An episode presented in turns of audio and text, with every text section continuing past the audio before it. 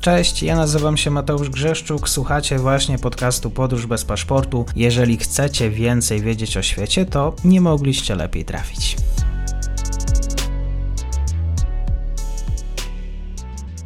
Dzień dobry, dobry wieczór wszystkim słuchaczom. Ze mną jest dzisiaj pan dr Michał Piekarski z Uniwersytetu Wrocławskiego. Będziemy rozmawiać o budowie, budowie zapory na granicę z Rosją. Dzień dobry, dobry wieczór panie doktorze. Dobry wieczór panu, dobry wieczór państwu. Gorzej by było, gdyby zapory nie było. Są jakieś pieniądze na to przeznaczone, więc niech będzie tak. Rozpoczęcie budowy zapory na granicę z obwodem kaliningradzkim komentowali właśnie mieszkańcy w rozmowie z reporterem RMFFM, mieszkańcy przygranicznych miejscowości. Panie e, doktorze, czy budowa właściwie tego muru cokolwiek zmieni w kontekście naszego bezpieczeństwa?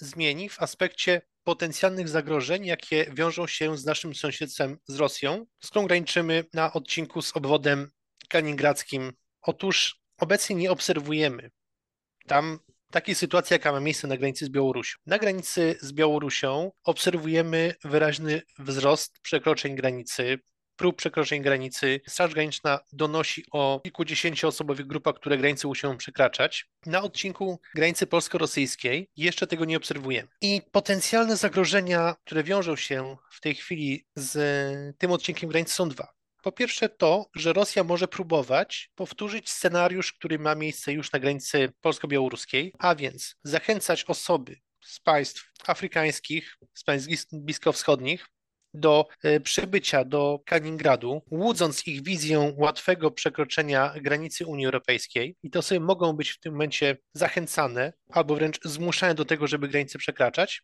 I wówczas Rosja mogłaby wywierać presję migracyjną, dążąc do wywołania kolejnego kryzysu granicznego. Licząc na to, że po pierwsze nasze służby będą musiały zająć się ochroną tej granicy przy pomocy wzmocnionych sił i środków, e, po drugie, że powrócą kontrowersje związane ze sposobem ochrony tej granicy, a to utrudni w tym momencie podejmowanie decyzji odnośnie tego najważniejszego kierunku zagrożenia, e, jakim są właśnie działania e, rosyjskie. Drugim, obecnie mniej prawdopodobnym, ale potencjalnym zagrożeniem jest to, że w razie na zaostrzania się sytuacji międzynarodowej z terytorium y, obwodu kaliningradzkiego mogą na nasze terytorium próbować przenikać y, po prostu grupy dywersyjne, ale jest to w tej chwili zagrożenie mniej prawdopodobne. Panie doktorze, a jeżeli chodzi o takie stricte zagrożenie militarne, czy właściwie można brać to pod uwagę?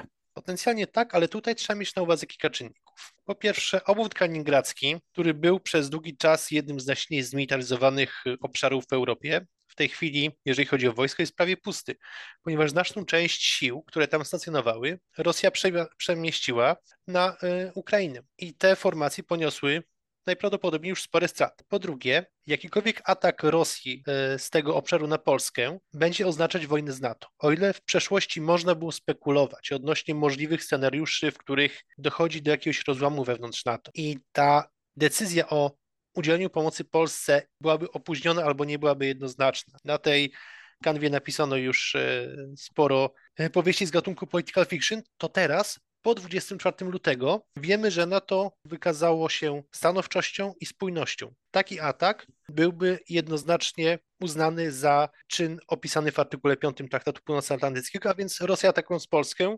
rozpoczęłaby wojnę z całym NATO. Po trzecie w końcu wiemy jest, jaki jest stan rosyjskiej armii, jakie są możliwości ich uzbrojenia, jaki jest poziom wyszkolenia, jaki, jaki jest ich sposób działania i Rosja poniosłaby w razie wojny z NATO upokarzającą i druzgocącą porażkę. Wróćmy, panie doktorze, do tego wątku imigracyjnego, e, migracyjnego, kryzysu uchodźczego, którym być może Kreml mógłby nas straszyć. Jakie zagrożenia z punktu widzenia e, pana doktora mogłyby się ujawnić w związku z trudną sytuacją e, na granicy? Jakie wyzwania dla państwa polskiego? Czy to są te same wyzwania w związku z tym, co się działo jeszcze z Białorusią? Mowa o destabilizacji państwa, może kryzysem społecznym, politycznym? Mielibyśmy powtórkę sytuacji, jaka miała miejsce na granicy z Białorusią.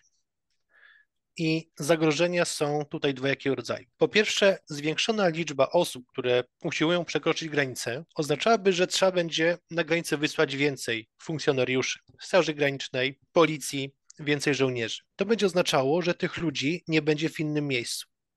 A więc będzie obciążało nasze służby, będzie obciążało będzie ograniczało możliwość ich e, szybkiej reakcji na kryzysy w innych e, miejscach Polski, zwłaszcza jeżeli mówimy o użyciu policji i wojska. Ale poważniejszym problemem jest to, że scenariusz tej presji migracyjnej, jaki został już y, przez Rosję i Białoruś zastosowany w Polsce, zastosowany na Litwie, ma przede wszystkim na celu wywołanie i pogłębienie istniejących podziałów społecznych. Taka presja migracyjna i masowe pojawienie się osób, co jest y, bardzo charakterystyczne, wykorzystywane są instrumentalnie osoby pochodzące właśnie z Afryki, z Bliskiego Wschodu, utożsamiane z inną religią, z inną kulturą.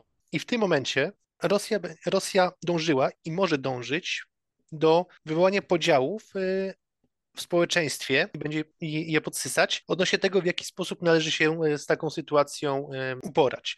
Proszę zwrócić uwagę, że dotychczas w sporze dookoła granicy białoruskiej mieliśmy takie dwie postawy. Pierwsza odwoływała się do kwestii, nas wydawało się fundamentalnych, czyli prawa człowieka, prawo w ogóle, demokracja, prawo do informacji, także swobodę działalności mediów, swobodę działalności organizacji pozarządowych. Druga akcentowała, że trzeba za wszelką cenę e, chronić granice państwa i nie dopuszczać do tego, aby osoby ją nielegalnie przekraczały. I w tym momencie to może prowadzić do sytuacji, w których te podziały będą wykorzystywane po to, żeby skomplikować naszą sytuację wewnętrzną.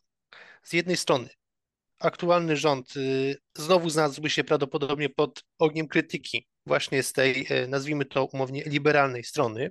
Możliwe byłyby też na przykład akcje protestacyjne różnego rodzaju, czy też inne działania. Z drugiej strony mogły pojawić się bardzo radykalne wezwania do e, stosowania radykalnych środków i warto zwrócić uwagę, kiedy zaczynał się kryzys na Białorusi, e, kryzys na granicy białoruskiej, to na obszarach przygranicznych zaczęli aktywizować się ludzie, którzy wzywali do organizowania oddolnych, w cudzysłowie obywatelskich patroli mających poszukiwać i wyłapywać e, nielegalnych migrantów. Tego typu e, postawy, postawy, które łatwo zidentyfikować właśnie choćby z rasizmem, mogą dać paliwo Rosji, żeby przedstawić na przykład Polskę jako państwo, w którym powszechne są postawy rasistowskie. Wystarczy jeden incydent, e, który będzie po prostu dobrze sfilmowany, żeby nagłośnić działanie osób, które nie mają nic wspólnego z organami państwa polskiego, ale będą na przykład jakąś samozwańczą Strażą Obywatelską e, i ten przekaz e, kierować do opinii publicznej w państwach zachodnich.